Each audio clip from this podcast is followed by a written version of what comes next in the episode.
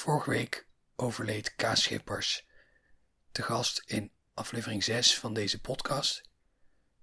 Ik heb hem daarna nog een paar keer ontmoet. Ik heb dat altijd als een groot plezier ervaren, omdat Kaas Schippers altijd zonder enige reserve zichzelf was. En het fragment dat ik jullie wil laten horen uit de aflevering, dat uh, illustreert dat volgens mij heel mooi. Ik vraag al mijn gasten om een gedicht van zichzelf en een gedicht van iemand anders mee te nemen. En het gedicht van iemand anders dat K. Schippers meenam was een Chinees gedicht uit de 9e eeuw.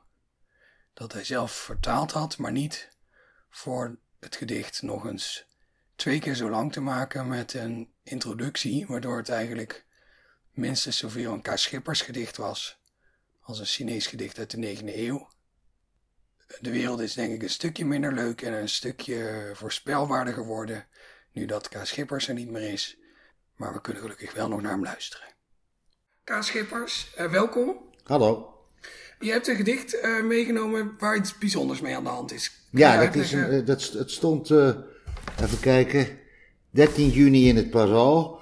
En het is een gedicht, nou ja, hoe ik eraan kom, dat lees ik, dat, daar begint het eigenlijk mee.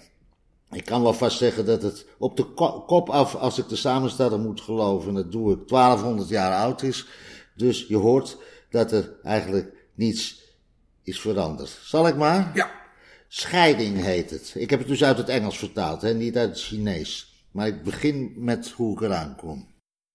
Scheiding. Lees ik plotseling weer de Chinese poems. Dat is van 900 voor Christus tot 1647. En die zijn in het Engels vertaald door Arthur Waley bij Allen and Unwin de derde druk, 1956. Veel vrienden verdwenen, vraagt hij me. Nou ja, de laatste tijd nogal. Zeker Amsterdammers, hè? ja, bijna allemaal. Lees dit gedicht eens, zegt hij. Dat begreep je vroeger niet. Welk, vraag ik. Nou, dit scheiding. Hier, bladzijde 162. En dat is uit het jaar 1817. Pardon, 817. Op de kop af 1200 jaar oud. Vertaal jij maar het maar uit het Engels, zegt hij. Hij loopt weg en ik lees het gedicht. Gisteren hoorde ik dat die en die er niet meer is.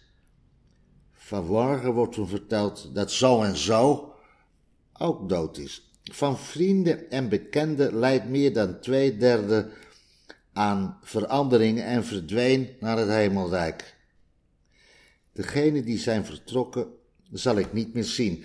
Bij hen is het helaas nu voorgoed over en uit. Degene die nog over zijn, waar zitten ze? Allen verspreid wel duizend mijl van me af. Wie ik heb gekend en bemind mijn hele leven, hoeveel kan ik er nog op de vingers van één hand tellen? Alleen de toezichthouders van Toen, Quo en Li en van de provincie Feng, niet meer dan die vier. Verlangend naar elkaar werden we allemaal grijs, rolden we door het vluchtige bestaan als een golf op een stroom. Jammer dat de feesten en fratsen van vroeger zijn verlept en verdwenen. En nu dit.